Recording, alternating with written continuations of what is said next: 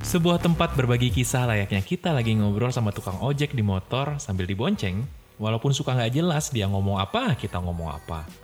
Atau di mobil sambil nyetir bersama kawan atau pasangan kita. Di teras rumah bersama orang yang kita sayangi. Di meja makan, di ruang tamu, atau di kamar sebelum tidur. Inilah podcast pulang kerja.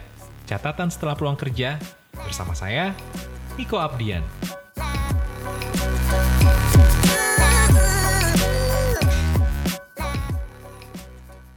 Podcast Pulang Kerja bagian ketiga. Berdamailah dengan dirimu sendiri.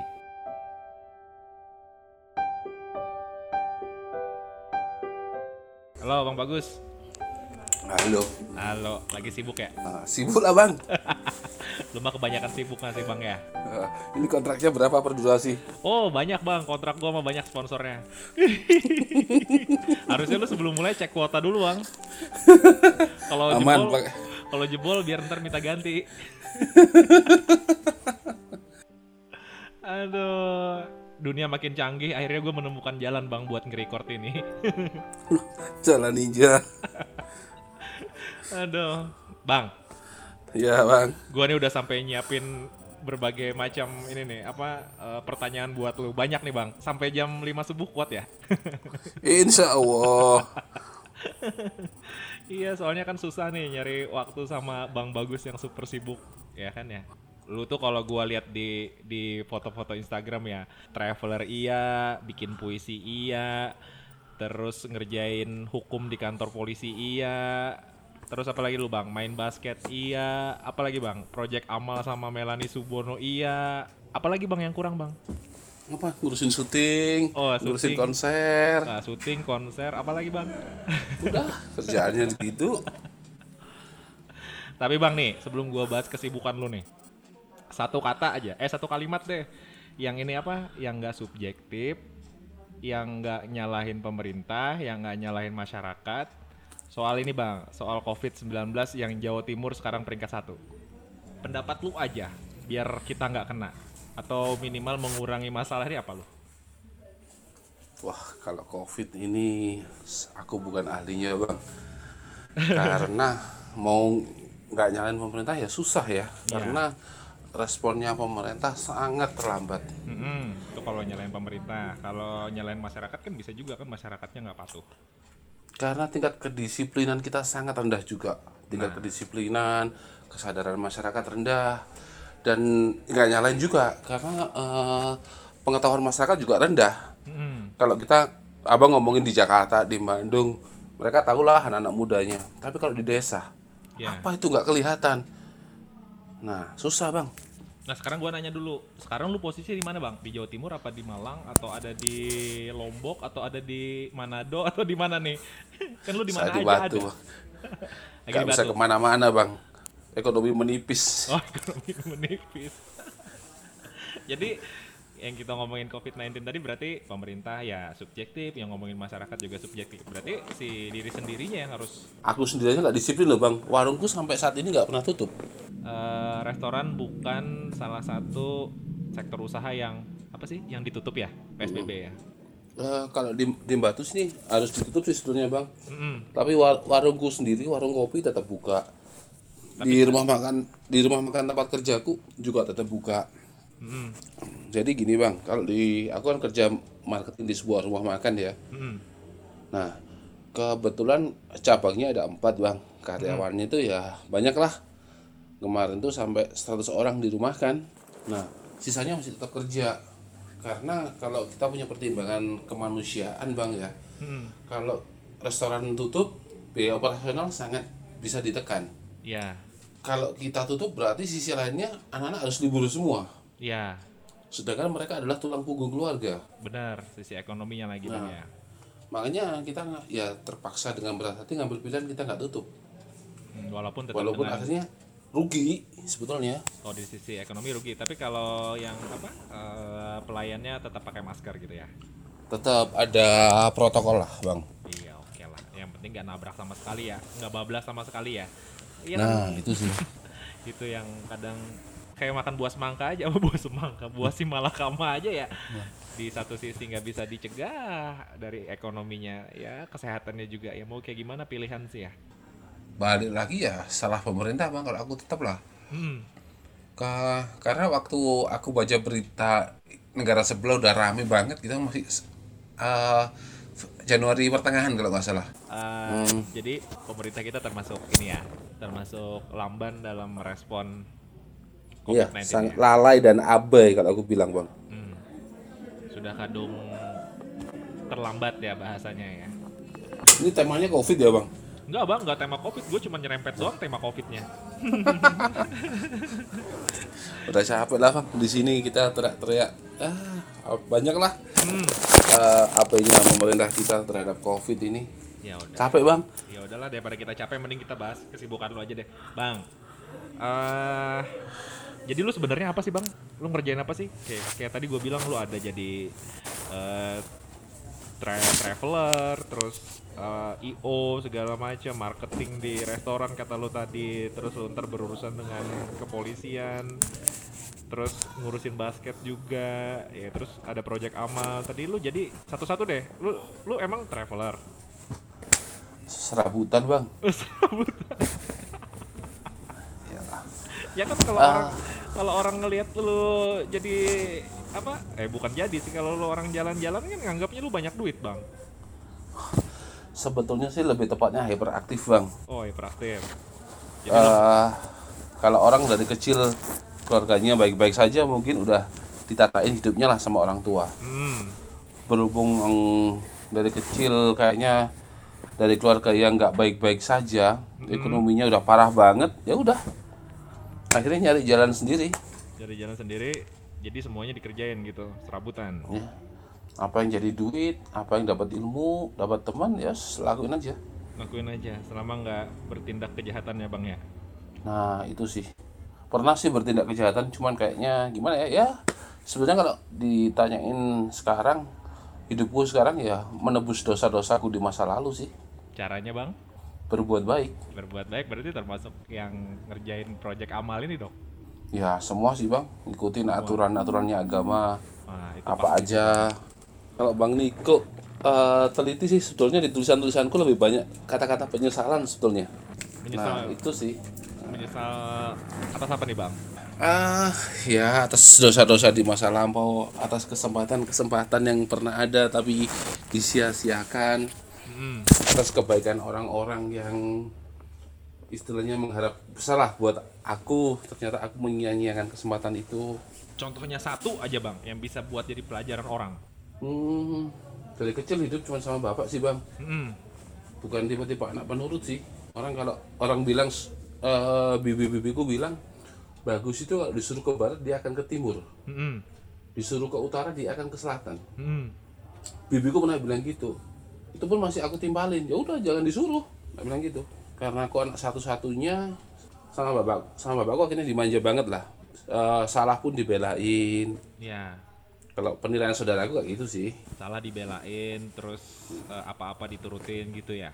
Eh, kalau dirutin enggak sih bang ya, karena bener-bener dari keluarga yang gimana ya, yang makan buat hari ini aja kadang nggak tahu dari mana. Karena lu serabutan, lu bilang kebanyakan kesibukan, lu berarti juga istilahnya kerja hari ini dapat uang hari ini buat makan hari ini juga dong berarti. Dari kelas 2 SD udah jual koran aku bang, Nah, dari kelas 2 SD jual koran sampai sampai SMP kelas 3 lu kayaknya sambil ini ya bang ya, sambil beres-beres ya. Enggak, enggak duduk ini bang. Oh iya. Panas buka pintu panas. Oh, dari kelas 2 SD jual koran sampai kelas Kelas 3 SMP. kelas 3 SMP. 3 SMP. Terus masih cari Sempet. duit lagi. Sempat ngamen, sempat nyemir sepatu di terminal, apalagi bolos sih itu dulu. Bolos sekolah nyemir sepatu, ngamen di perempatan. Sebenarnya ngamen itu gak ada yang tahu. Dulu pernah ngamen pakai seragam, ada saudara jauh, mobilnya berhenti pas di lampu merah. Temanku nggak sadar dia masih nyanyiin gitar, karena kacanya gelap bang. Ya bodo amat ya kan. Iya. Waktu dibuka kaca jendela, eh saudara, udah Disuruh Rame masuk, lah. Disuruh masuk ke dalam mobil. Eh masuk bagus masuk gitu. kagak dibiarin kasih duit, Oh dikasih. kasih lima puluh ribu dulu itu nggak salah. temanku kaget ah dikasih 50 tak tendang dia jalan itu itu udah jalan dia bilang gitu Eh, kelas berapa tuh ya kelas 3 SMP tahun 98 50 ribu besar loh bang iyalah, emas aja masih berapa ribu tuh. tahun 98, eh bentar bang, lu tahun 98 udah kelas SMP ya? kelas 3 SMP Kelas 3 SMP gue baru kelas berapa SD ya bang ya? Berarti lu tua banget bang. secara usia bang. Lahir duluan bukan tua bang.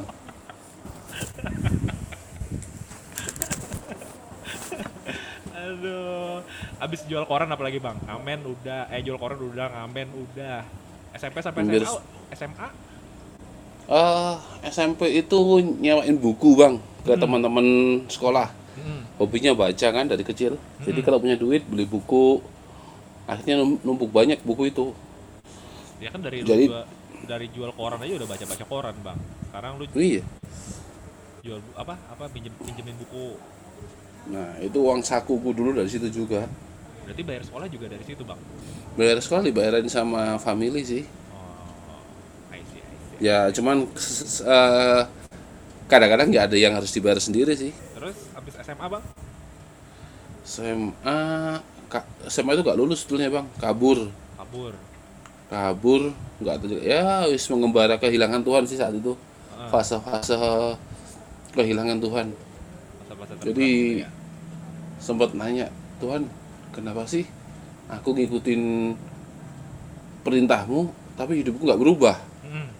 sedang aku lihat di sekitarku dia mereka baik-baik saja terutama secara ekonomi ya Ya. jadi aku bilang kenapa aku beda Tuhan? Nah situlah mulai istilahnya nyari Tuhan itu di situ. Kan DO sekolah bang. Sekolah itu dikeluarin sampai empat kali bang. Yang kelima berarti lulus. enggak paket C bang. Paket C. ini jasanya paket C. Jadinya random Jadi- banget lah hidupku bang. Ya orang di luar sana belum tentu serandom lu bang. Kadang orang bijak itu gue bilang bijak ya terserah lu mau terbang kayak gue bilang bijak. Karena orang-orang yang random kayak lu ini bang ya kan secara secara apa apa kata orang apa asam pahit garam kan lu udah lewatin tuh lu masih masih pahit ini bang. Oh masih pahit ya? Iya. Ya tapi kan lu bisa ketawa aja udah seneng bang. Mau gimana? Nangis nggak akan kubah keadaan bang. Mau Iya. gimana? Iya kan bener kan? Nangis kita kan nangis sendiri juga kan. Ya orang tahu kan cuman enaknya aja. Lu jalan-jalan terus lu kenal sama artis-artis lu kadang ngopi-ngopi lu kadang apa kayak lu terakhir kemarin ngerosting kopi. Wah lo orang nggak nggak ada yang bilang lu pasti susah bang. Gue percaya tuh nggak ada yang bilang lu susah. Makanya gue tertarik sama cerita lu sebenarnya. Dan judge book from the cover bang. Iya. Sebenarnya di situ sih. Iya kan? Kayak sekarang yang rame nih ya di sosial-sosial media nih gue kadang ngeliat orang yang dijejali sama oh ya kita harus bikin usaha gini gini gini eh kita harus bikin ekonomi kita gini gini gini. Kadang mereka tuh ngomong standarnya tuh dari menengah ke atas bang. Nggak ada yang yang ngomong ini belum tentu mereka ngerintisnya dari yang kata lu tadi. Lu ngerintisnya dari jual koran lah eh, apa ngamen lah. Jarang itu ada yang ngebahas kayak gitu bang. Aku bilang sih eh kalau sekarang jawabanku ya Tuhan ngasih cobaan orang itu udah sesuai dengan kemampuannya sesuai dengan volumenya. Dibilangin usahaku berantakan banyak bang. Nggak sekali dua kali lah. Cuman kadang sering mikir. Dulu sih dulu sempat di posisi yang wah banget lah sebetulnya.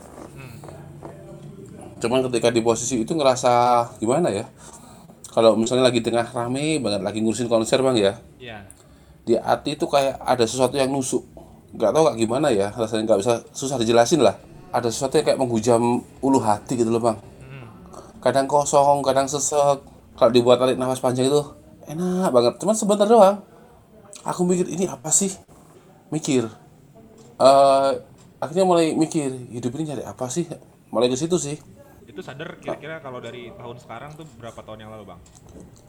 Itu mungkin 2007 2009 bang ya istilahnya lagi di dunia-dunia gemerlap lah sedang gemerlap ntar gue potong dulu dari dunia gemerlap lo. Gue coba mau menyusun. Gue coba nyusun puzzle dulu nih. Lu kan dari apa tuh? Oh lu mau dibilang eh, apa? Nyamuk. Raket nyamuk ya? iya Gue coba nyusun ini lu nih. Nyusun puzzle cerita lu deh. Dari SMA lu DO. Lu paket C ngambil kapan? paket C-nya malah 2012 2000 eh enggak DO SMA DO SMA 2002 Jadi lu eh, DO 2001, 2002 2001. 2001 2002 itu DO sebetulnya Dan. Nah, terus lu yang lu bilang yang lagi eh udah tit- jadi titik balik lu itu 2011. Eh 2000 2007. lebih bang 2009 2010 lah 2000. Nah, dari cerita lu dari 2000 lu DO sampai ke 2010 nih gimana nih, Bang? Perjalanan hidup lu, Bang? nah kadang di atas kadang di bawah Sampai akhirnya lu bikin bisa bikin apa? Terlibat bikin konser itu loh. Dari konser itu mulai 2000 berapa ya 2005an mungkin masuk ke dunia dunia entertain gitu Hmm? ya gimana ya wah itu kisahnya berbelit banget lah pokoknya tiba-tiba bisa kenal mereka mereka itulah Hmm. awalnya cuma jadi kayak apa ya ya cuma kru yang bikin kopi yang gitu gitulah. Sampai suatu hari lagi ngurusin EO mus EO bang ya. Ah, event itu berantakan. Ya. event itu berantakan. Kabur semua orangnya habis event itu. Ya. tinggal aku sendirian. Udah kondisi belum makan nggak punya duit. Susah banget lah jauh dari rumah. Udah ngapain ya? Udah beres-beres bersihin tempat event itu sendirian. Ya. Lagi beres-beres nemu ada sebuah tas ketinggalan bang. Hmm. mau buka nggak berani karena ini bukan milikku kan? Ya. nggak dibuka ya salah. Akhirnya udah mau nggak mau kepaksa dibuka. Iya, biar tahu. ada duit ada macam-macam lah. Nah kan? Tak sendiriin. Ya sempet kegoda sih. Ini Iyalah. tas gini gini udah. Nah. Eh, waktu di jalan itu mau beli makan aja mikir. Itu ada duit banyak di situ. Tapi mau jajan mikir juga Ya, karena bukan punya. Tetap nggak berani lah ya mikirnya. Mikirnya kalau aku jadi yang punya gimana? Udahlah simpan aja lah. Ya. besoknya siang itu balik ke gedung lagi ngelanjutin beres-beres. Si ada nyari tas itu nanya. Tak bilang dia itu kayak apa ya kayak manajernya gitu loh. Manajernya tanya-tanya tak bilang ada tasnya di aku? Tak bilang gitu kan. Tak bilang cuman yang punya suruh ke sini kita pastikan itu benar-benar miliknya dia. Tak gitu Akhirnya aku di, diajak lah ke rumahnya si artis ini Hmm. di Pondok Indah itu bang. Ya, ini ceritanya di Jakarta berarti ya kalau Pondok Indah. ah. Terus ngobrol ya kan? Ternyata yang punya itu orang Jawa Timur juga orang Surabaya lah artisnya. Nggak sebut nama bang ya? Nggak sebut merek ya? Sebut merek kita. nah. Terus ngobrol ternyata bener duitnya juga bener juga terus dia nanya loh kok kamu masih di situ? Dia tanya gitu. Akhirnya aku cerita semuanya kan event itu gimana gimana cerita. Akhirnya dia ngerti ya udah akhirnya dia udah tahu kondisi kosku di mana disuruh pindahlah ke rumah dia. Cerita bagus harus dengan effort yang bagus kayaknya nih bang. kalau gini acak banget perjalanan hidupku ini kayaknya ribet banget deh. Sebenarnya gue udah udah udah udah ketemu benang merahnya dari lu nih bang. Jadi makanya kata gue gue tadi balik nih ngerunut cerita lu dari habis SMA sampai lu akhirnya apa eh, ke event konser segala macam ya. Gue cuman gue cuman pengen gabungin cerita lu tadi sampai lu akhirnya lu akhirnya bisa berdiri sendiri gitu loh bang. ah gimana bang dibilang berdiri sendiri pasti belum lah bang cuman kita mau minta tolong siapa bang Hmm. berdoa aja nggak cukup loh bang Iya berdoa aja nggak cukup bener bang. terus mau minta tolong siapa kita cuman ngomongin ke temen nggak ada habisnya bang. Aku mikir nggak mau ngerepotin orang. Mereka pasti juga punya permasalahan sendiri. Hmm. ya udah apa yang kelihatan aja dilakuin. Mau ngapain coba sekarang? Oh dia nggak nggak kita cuma berdoa aja nggak mungkin tiba-tiba nasi datang dengan sendirinya. Ya. mungkin sehari dua hari oke lah. Minta tolong teman makanan dikasih duit dipinjemin tapi apa mau kayak gitu terus? Ya apa yang kelihatan aja dikerjain yang jadi duit kerjain aja. Tapi bisa akhirnya bang ya. ya sampai seka- sampai sekarang dibilangin bisa ya belum benar-benar mandiri bang misalnya duit orang duit aja kemarin aja ngutang temen dipinjemin lah sama teman tak bilang ntar ya dapat alisan tak tak balikin kayak gitu Hmm. mau minjem teman lagi juga nggak enak udah dihadapin aja lah apa adanya Ya. Ya. kayak hari ini hari ini aja mikir bang duit tinggal seratus ribu Hmm. Duit tinggal seratus ribu bingung gimana ya akhirnya? Ya tiba-tiba ada orang booking villa. Iya. dapatlah tiga ratus ribu masukan. Udah yakin aja sama rezeki. Ya Allah ngasih kesulitan ya pasti dikasih kemudahan kasih jalan keluar. Gua sampai gua sampai sampai nggak bisa berkata-kata lagi. Bang gue tuh ngebayangin lu dari kecil jual koran terus lu yang kata lu yang ngamen. Gue sampai nggak bisa berkata-kata tuh kadang tuh kita ya itu tadi sih ya terpana melihat sosial media orang bang. Sosial media itu tempat pamer bang. Kadang kan pamer tuh untuk menunjukkan kalau kita tuh masih eksis bang. Masih ada di dunia. Aku sih eh apa bang ya semacam buat diary aja. Kenangan bang ya. Ya kadang lihat oh dulu pernah begini pernah nulis ini pernah di sini itu aja sih. Buat self reminder aja sebetulnya termasuk kalau misalnya lu berbuat baik pernah bikinin warung kopi buat anak-anak jalanan sih. Itu pun nggak sengaja ketemu dia lagi ngamen. Aku bilang loh kok kamu masih ngamen? Tak bilang gitu kan. Ya kita nongkrong ngopi ngobrol lah. Nah akhirnya begini ya deh tak bikin warung kopi tak bilang gitu. Tapi Ah. saatnya satu. Kamu berhenti ngamen kamu udah mau sholat lah tak bilang gitu. Oke dia saat itu mau. Ternyata bertahan aja berapa bulan ya? Nggak sampai tiga bulan kok bang. Terus? Dan lagi. dan dan modal itu pun ngutang ke teman-teman bener utang sama teman beli buat kompor gas beli kopi-kopi saset itu sebagian ngutang bang gue nggak punya duit gue ada per- dua pertanyaan nih bang. Yang pertama gue nanya nih soal kayak lu eh, lu bikinin kopi orang tadi, eh bikinin kedai kopi orang pengamen tadi. Ada penyesalan nggak bang? Karena dia sah nggak sih bang itu orang punya jalan hidup punya pola pikir sendiri bang ya Iya. aku sih sempat marah suatu hari itu pernah marah bang ya karena maghrib dia udah mulai nggak sholat. Terus Hmm. hmm. tanya satu saat ngomong sama dia kamu kenapa nggak sholat? Nggak dijawab. Hidupku itu pun juga nggak lebih baik. Kamu aja ngeliat aku pakai mobil bawa tamu itu yang kamu lihat. Gitu, hidupku susah. Tapi kamu ngerasa aku lebih baik. Dan aku kamu pasti lihat aku masih mau sholat. Hmm. tapi bilang ya nolong kamu itu bukan aku tapi Tuhan. Nah gitu. Iya. kamu aja sholat nggak mau berarti kamu sama Allah dianggap orang paling sombong tak bilang gitu nah kayak gituin dia mungkin dia mungkin dia kecewa bang ya dengan ucapan itu akhirnya dia balik lagi ke jalan Mau udah sering nggak jualan ya kalau aku mikir sih ngamen enak bang duit dapat duitnya cepet nggak Iya. usah modal nggak capek cepet sih emang Nah itu kalau penyesalan bang. Pas lu waktu bantu orang itu perasaan lu seneng atau kadang kan kita punya Yes. rasa kepuasan gitu bang. Ada satu beban yang lepas nggak di perasaan lo gitu? Kalau nolong orang lain sih pasti ada sesuatu yang lega sih nggak bisa dijelasin sama kata-kata lah Iya. Dan lu nggak jerah. kadang Dan lu nggak jerah Eh. nolong orang-orang kayak gitu. aku berpendapat bang ini ke diriku sendiri sebetulnya bang ya Iya. orang butuh lebih dari sekedar dimaafkan bang Apalagi. tapi Bang? diberikan kesempatan Nah, gua gua kutip ya bang kesempatan ya bang ya. orang butuh lebih dari se- dari sek- eh, dari sekedar dimaafkan tapi diberikan kesempatan Iya. Wak- waktu kecil lu menyia-nyiakan banyak kesempatan. Terus eh bikin orang lain kecewa bikin sakit orang lain hati kecewa, sakit hati. bikin orang lain nangis Itu tuh. Jadi eh ya itu tadi balik balik lagi kesempatan tuh siapa pun itu menurut gua mau lu kaya mau lu miskin kalau lu nyanyiin kesempatan ya apa ya ya, waktu nggak akan kembali nggak akan bisa terulang bener waktu nggak akan bisa kembali pernah sih sebuah kejadian bang ya aku sering ngomong sama orang lain ya hmm.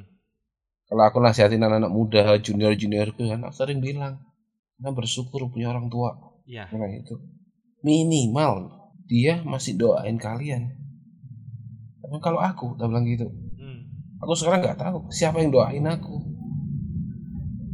Gak ada, bilang gitu. Ya Kalau punya orang tuh udah pasti dia akan doain kita. dan dan itu jadi penyesalan kalau menurut bahasa gue sih penyesalan kenapa waktu orang tua kita ada kita nggak minta doa sama mereka ya Nah, banyak orang emang menyia-nyiakan saat saat punya orang tua kita menyia-nyiakan gitu ya lagi Jadi- ngupas bawang bang. Hah? Nggak sama ngupas bawang kan? Enggak mah gue nggak ngupas bawang bang cuman kadang kalau kita ngobrolin ya kalau kita ngobrolin orang tua tuh gimana ya eh gue jadi akhirnya jadi cuman bisa ketawa doang gue Ya kata gue itu tadi beruntung lah orang-orang yang punya orang tua yang masih bisa minta doa ke orang tua. Ya siapa lagi ya? Doa orang tua tuh doa yang paling mustajab soalnya. Mau kayak Nah, gimana itu. pun. Mau orang tuanya ya bahasanya mau orang tuanya buruk sekalipun ya tetap doa mustajabnya dari orang tua. Itu tadi lagi balik lagi. Gila bang, gue speechless sama lu bang. Sebenarnya gue udah nangkap inti dari lu sebenarnya mah kalau hidup tuh emang harus berjuang. Lu harus berjuang bener. Setiap orang punya kisah sendiri-sendiri lah bang. Setiap Iya. orang adalah peran utama dalam hidupnya. Iya betul. Bener tuh gue sangat setuju itu bang. Sampai gue bilang gini, setiap orang tuh punya masalahnya sendiri, punya jalannya sendiri. Walaupun sebenarnya ya sama, makannya juga, eh, istilahnya gini, nyari uang buat makan sama, nyari uang buat rumah sama, nyari uang buat beli kendaraan sama, nyari pasangan sama. Cuman kan masalahnya beda-beda. Nyari- Nah itu. itu yang gue bisa petik hikmah dari lu bang ini sebenarnya mah gue bikin ini buat ya buat nge-recharge diri gue sendiri juga sebenarnya Aku sering sih bang kayak gitu. Bagiku setiap orang adalah guru. Kalau bagiku bang ya. ya Entah itu orang baik, orang jahat sekalipun bagiku dia adalah guru. Selalu ada pelajaran yang bisa diambil dari setiap orang. ya kesempatan gue juga bisa ketemu lu bang Itulah bang kenapa aku suka traveling sendirian sebetulnya. Jadi kalau habis ngurusin klien liburan ke mana, misalnya kadang ngurusin di Solo gitu bang ya. ya Kadang nggak langsung pulang, belok dulu ke mana jalan kaki sendirian. Jalan kaki udah. Kadang ya makan-makan di pinggir jalan ngobrol sama orang. ngobrol sama Kadang- orang yang ngobrol sama orang yang nggak dikenal tuh kadang menyenangkannya tuh luar biasa loh bang Kadang kadang nggak perlu ngobrol loh bang, kita cuma ngelihat, diam. Itu ada sesuatu lah yang kayak masuk ke hati itu apa gitu. Itu kadang aku tulis. Eh, Itu aja sih kadang ya kalau lagi enak gitu ngobrol banyak hal. Bahkan pernah kemalaman di sebuah desa ditampung sama orang. Baru-baru dimuliakan selayaknya tamu. Terus aku bilang, nggak takut kah sama aku orang asing ini? Dia bilang enggak, bilang gitu. Ya, itu kan banyak pelajaran. iya Bahkan aku pernah terakhir ini belajar sesuatu bang ya. Ini kadang nggak nggak masuk logika. Saat kita ngajarin orang lain, sesungguhnya kita yang sedang diajarin. oh gitu Iya. Kadang gitu kayak eh, kita ngajarin mendidik anak lah bang. Sebenarnya Iya. kita yang dididik sebetulnya. Didik lebih sabar. Gimana sih jadi anak dulu kita kayak gimana? Iya. Apalagi kita Wah, udah gitu. merasa, apalagi kita udah pernah merasa mengecewakan orang tua, bang. Nah, eh, ngerti kan ya di situ kan bang. Kita nggak bisa ngulang waktu sih bang. Ya. Kadang ada di salah satu tulisanku kan, aku mandangin foto orang tua aku, kadang malah semakin lupa bang. Aku nggak takut istilahnya ini, nggak takut kehilangan dia. Aku takut kehilangan kenangan-kenangan tentang dia, Iya. tentang dia yang berjuang habis-habisan buat kita. Ya karena kita kan ngebayangin tuh kadang oh mereka cari uang buat kita gimana ya di luar ya. Ngidupin kita gimana, nyari ngasih kita makan gimana ya. Itu sih yang sering ngomong sama, makanya aku di basket itu sering ngomongin sama juniorku kan. Hmm. Aku di mereka nggak ngajarin basket, aku ngajarin etika, ngajarin kehidupan. Jadi ngajarin orang tua itu dengerin dulu. Kayak contoh kemarin waktu masalah covid ini kan mereka belajar di rumah kan. Ya. Orang tuanya stres, anak-anaknya cerita ke aku, aduh aku dimarahin terus sama mamaku, gitu-gitu kenapa? Aku tanya ini nggak ngerti mama, ya iyalah orang tua mana ngerti pelajaran, Bilang gitu kan Hmm. udah aku ke rumahnya tiap orang tua mereka udah anak-anaknya biar ke rumahku lah di rumahku ada ada internet biar mereka belajar di rumah. Saya bilang gitu. Ya karena yang ngomong sama mereka wajar lah orang tua kalian marah. Udah seharian ibu kalian tuh seharian masak nyiapin makan nyiapin segala macem bersih bersih rumah. Kalian tanya PR saya bilang gitu. Iya. yang mana yang ngerti ibu kalian? Pelajaran zaman dulu sama zaman sekarang beda. Terus kemudian orang tua itu pasti gengsi kok orang tua aku nggak bisa? Tak bilang gitu. Pasti gengsi pasti marah lah. Tak bilang gitu udahlah ke rumah ayo kita cari ini. Akhirnya ada tetanggaku aku bilang aku yang paling nggak ngerti itu fisika matematika tapi aku punya tetangga dia itu guru les. Udah kalian ke sana aja. Tak bilangin gitu akhirnya. Hmm. itu sih. Iya, iya. Jadi kalau di rumahku hampir tiap hari bang ya, junior-junior basket itu main ke rumah. Dia bilang ini base camp mereka.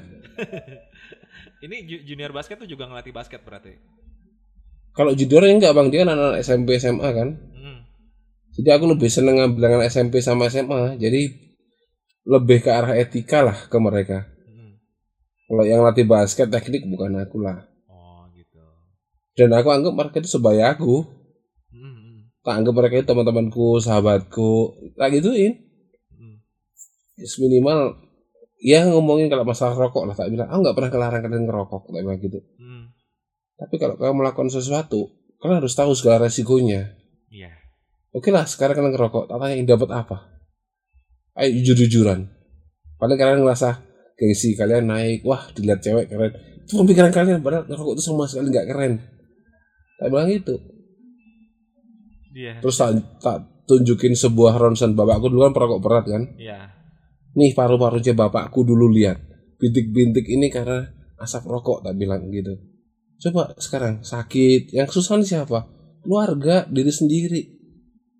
Tak bilang mau ngerokok? Silahkan. Tak bilang apa? Ngarang. Kayak gitu. Itu sih yang tak ke mereka. Terus pamit sama orang tua. Tiap kali keluar ke mana saja pamit sama orang tua.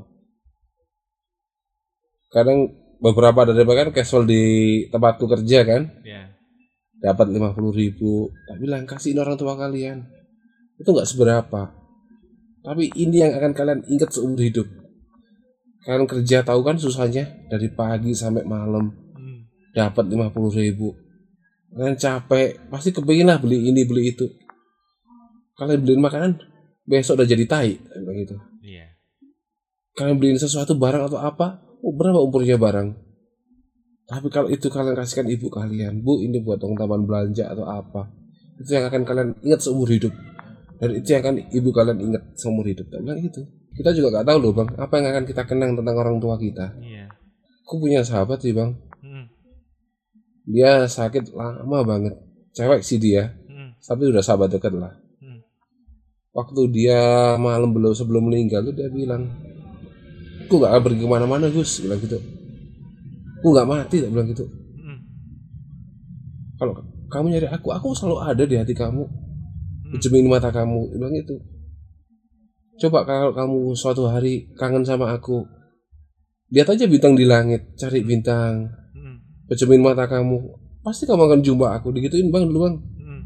dan itu bener emang gara-gara dia aku suka naik gunung suka tidur lihat bintang. Karena ada bagian yang kita nah itu yang kita ingat terus gitu loh. Dia orang salah satu yang ngerubah jalan hidupku. Aku orangnya keras kepala banget lah. Hmm. nggak punya takut nggak punya apa. Udah. Dulu mikir mati mati aja apa yang tak berjuangin diri nggak ada. Contoh nih pernah ada sebuah kejadian yang nggak sesuai dengan norma agama lah. Hmm. aku demo aku marah. Udah. Pejabat-pejabat tak olok-olokin nggak di medsos bang. Udah satu hari salah seorang romo dari Katolik itu bilang sama aku manggil lu masih emas mas bagus. Ngobrol yuk bilang gitu. Tak bikinin kopi di tempatku. Ini romo loh bang. Iya. ngobrol sama romo ternyata dia bisa dinginin hatiku. Cara-cara penyampaian itu sederhana banget. Akhirnya ternyata ketika diketemukan dengan pejabat yang bersangkutan ya selesai masalah. Ya karena lu kan dalam hati lu masih ada emosi, Bang. Nah, itu, Bang. Emosi yang yang yang terpendam tadi ya, emosi yang terpendam lah. ada sebenarnya akal aku ngomong bang ya aku marah sama diriku sendiri ada amarah di hatiku Mas Ian dan akhirnya amarah ini kadang-kadang meledak ke semua orang Ya itu tadi ya kata lu balik lagi tadi yang eh, masalah emosi segala macam hidup itu ya emang harus dikembalikan ke Tuhan tadi. Gitu, Bang. sebetulnya itu dia berdamai dengan diri sendiri berdamai dengan keadaan menerima kenyataan dan memaafkan diri sendiri Ulangin, Bang. Ini nih yang kalimat penting dari lu nih, Bang. Sampai gua ke- kedein nih volume gua nih. Berdamai dengan diri sendiri. berdamai lu. dengan sendiri berdamai dengan keadaan menerima kenyataan memaafkan diri sendiri berbesar hati juga sih sebetulnya Dan itu yang buat lu berjuang akhirnya ya. akhirnya itu tadi aku mulai belajar menerima orang lain dengan segala kekurangannya jadi kalau dulu misalnya di jalan bang ya pernah kejadian aku tuh nonjokin supir taksi bang Wah, berantem sih heeh. jadi aku lagi stres banget udah beberapa hari itu stres banyak masalah Hmm. pulang dari Surabaya nyetir sendirian bang tiba-tiba saat supir taksi dipotong aku jalan 20 itu dipotong itu malam minggu. Nggak tahu tiba-tiba bukannya tak rem malah tak tabrakin. Heeh. ribut berantem lah tak tonjokin dia. Itu rame kisur akhirnya. Di situ karena aku merasa kuat merasa ikut karate bang ya? Ya. oh udah. Iya benar-benar jadi pelampiasanku dia udah. Itu 2000 2000 masih baru itu bang. 2000 berapa ya? 2014 apa 13 ya? 14, 2014 ya. Si baru. masih berantem itu. Masih hobinya masih berantem lah ke bawah Emosi. tapi emosi. setelah itu mikir sih oh, mikir mikir mikir itu merenung sampai sama polisinya tuh dibilangin aku mau di penjara Dia bilang, aku gak takut pada penjara Dia Hmm. bilang itu bukan itu yang bikin aku takut Dia bilang itu karena aku saat itu masih dengan egoku bang ya aku mikir Iya. wah si AM Fatwa si Pram, Pramudia Nantatur Buya dia di penjara malah jadi semakin hebat aku Iya. mikir kayak gitu dulu sampai tan apa mungkin di penjara bisa berubah ya tapi ketika aku mulai bisa berdamai dengan keadaan oh iya ya aku salah. Itu mulai menerima bang ya? Ya. iya aku salah. Seandainya aku nggak nurutin emosiku gak apa nggak akan sampai serumit ini kok. Masalah itu ya. nah itu. Jadi sekarang kalau ada masalah misalnya aku bilang aku suka kopi bang ya. Hmm. itu juga sebuah filosofi buat aku sih. Aku punya masalah sama bang Niko. Hmm. ya udah ngomong sama bang Niko. Yuk ketemu yuk. Kita duduk kita ngopi aku pengen tahu mau apa dan kamu harus tahu mauku apa dan kita akan cari jalan tengah Ya.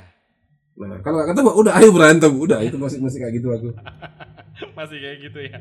masih lah karena ada orang yang nggak terlalu itu masih kayak gitulah Ya tapi dengan cara lo udah yang yuk kita ngopi bareng udah ya, ya itu udah jauh berubah bang daripada lo ketemu di jalan masalah langsung tonjok-tonjokan. Eh, soalnya kalau aku berantem bang ya ini kalau boleh jujur bang ya Hmm.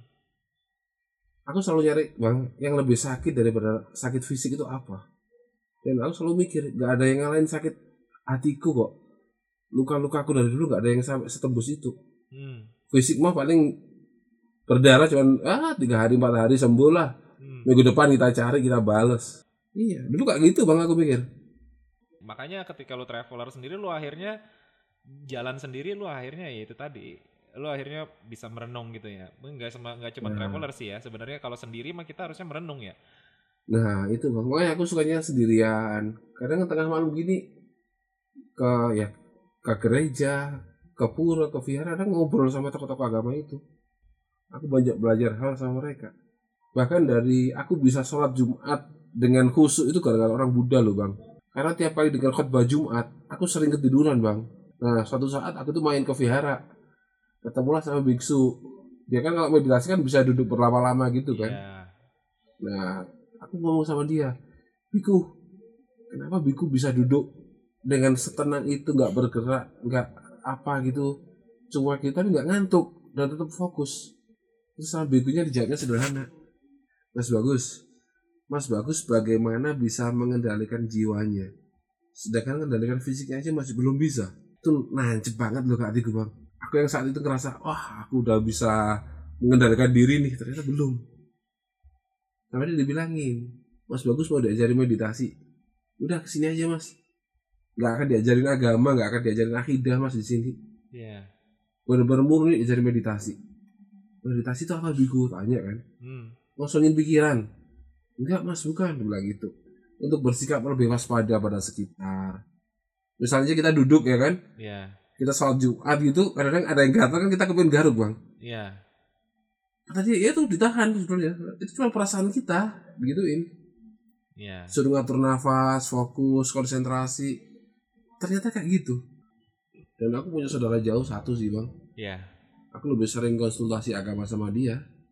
Contoh itu, aku dulu pernah berpikir bang, Nah, kenapa Ras- Rasulullah ini jadi nabi terakhir yang paling disayang sama Allah yang paling hebat lah. Iya. Padahal kalau dari kacamatanya aku bang ya, Iya. Nabi Musa itu punya mukjizat bisa belah lautan, Nabi Ibrahim dibakar nggak apa-apa, Iya. ya kan Nabi Sulaiman bisa punya jin bisa bicara sama hewan keren banget kan Iya. Nabi, Nabi Muhammad apa bang Al-Quran Iya. nggak ada keren-kerennya kan Iya. Anda mikir, nah ternyata aku baru dapat jawaban mungkin dua tahun terakhir ini deh bang. Eh suatu hari Rasulullah itu pernah dihina sampai sakit hati sampai apa ya? Aku lupa. Kayak berdarah atau apalah. Ah, Terus malaikat Jibril tuh bilang sama dia, Mat, orang ini akan tak azab, tak bilang gitu. Tak Gunung Sinai itu akan aku ledakan. Sama Rasulullah nggak boleh, jangan dia bilang gitu. Aku udah maafin dia, dia tak doain dapat tak doain dapat hidayah. Sampai seperti itu aku mikir, ternyata memaafkan itu dahsyat banget ya. iya, memaafkan tuh yang paling oh ya orang cari duit banting tulang bisa lah ya. Tapi memaafkan tuh emang nggak ada nggak ada patokannya sama sekali, nggak ada kadarnya sama sekali. Termasuk memaafkan diri bang. Nah, itu bang yang paling susah sebenarnya di situ sih.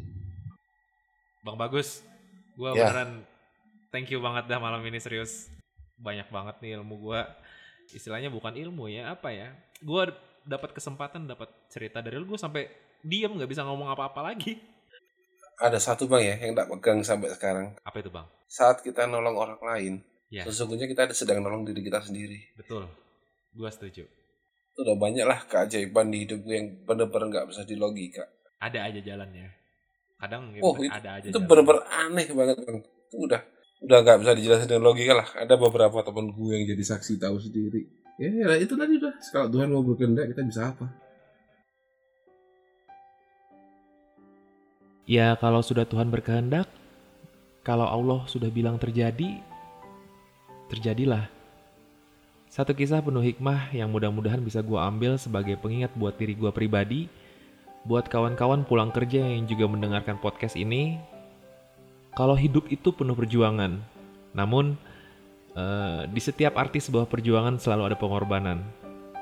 Berdamailah dengan diri sendiri, apa pun yang pernah terjadi di masa lalu, baik manis walaupun pahit sekalipun, itu memang sesuatu yang harus terjadi. Karena kita tidak akan pernah bisa kembali ke masa itu. Hargai kesempatan yang telah Tuhan beri, karena kita masih bisa bernapas, masih bisa berdiri di kaki kita sendiri, masih bisa mendengar ucapan cinta dari pasangan kita, dari keluarga kita, dari orang-orang yang kita sayangi. Gua Niko Abdian di podcast Pulang Kerja. So always be grateful. Goodbye.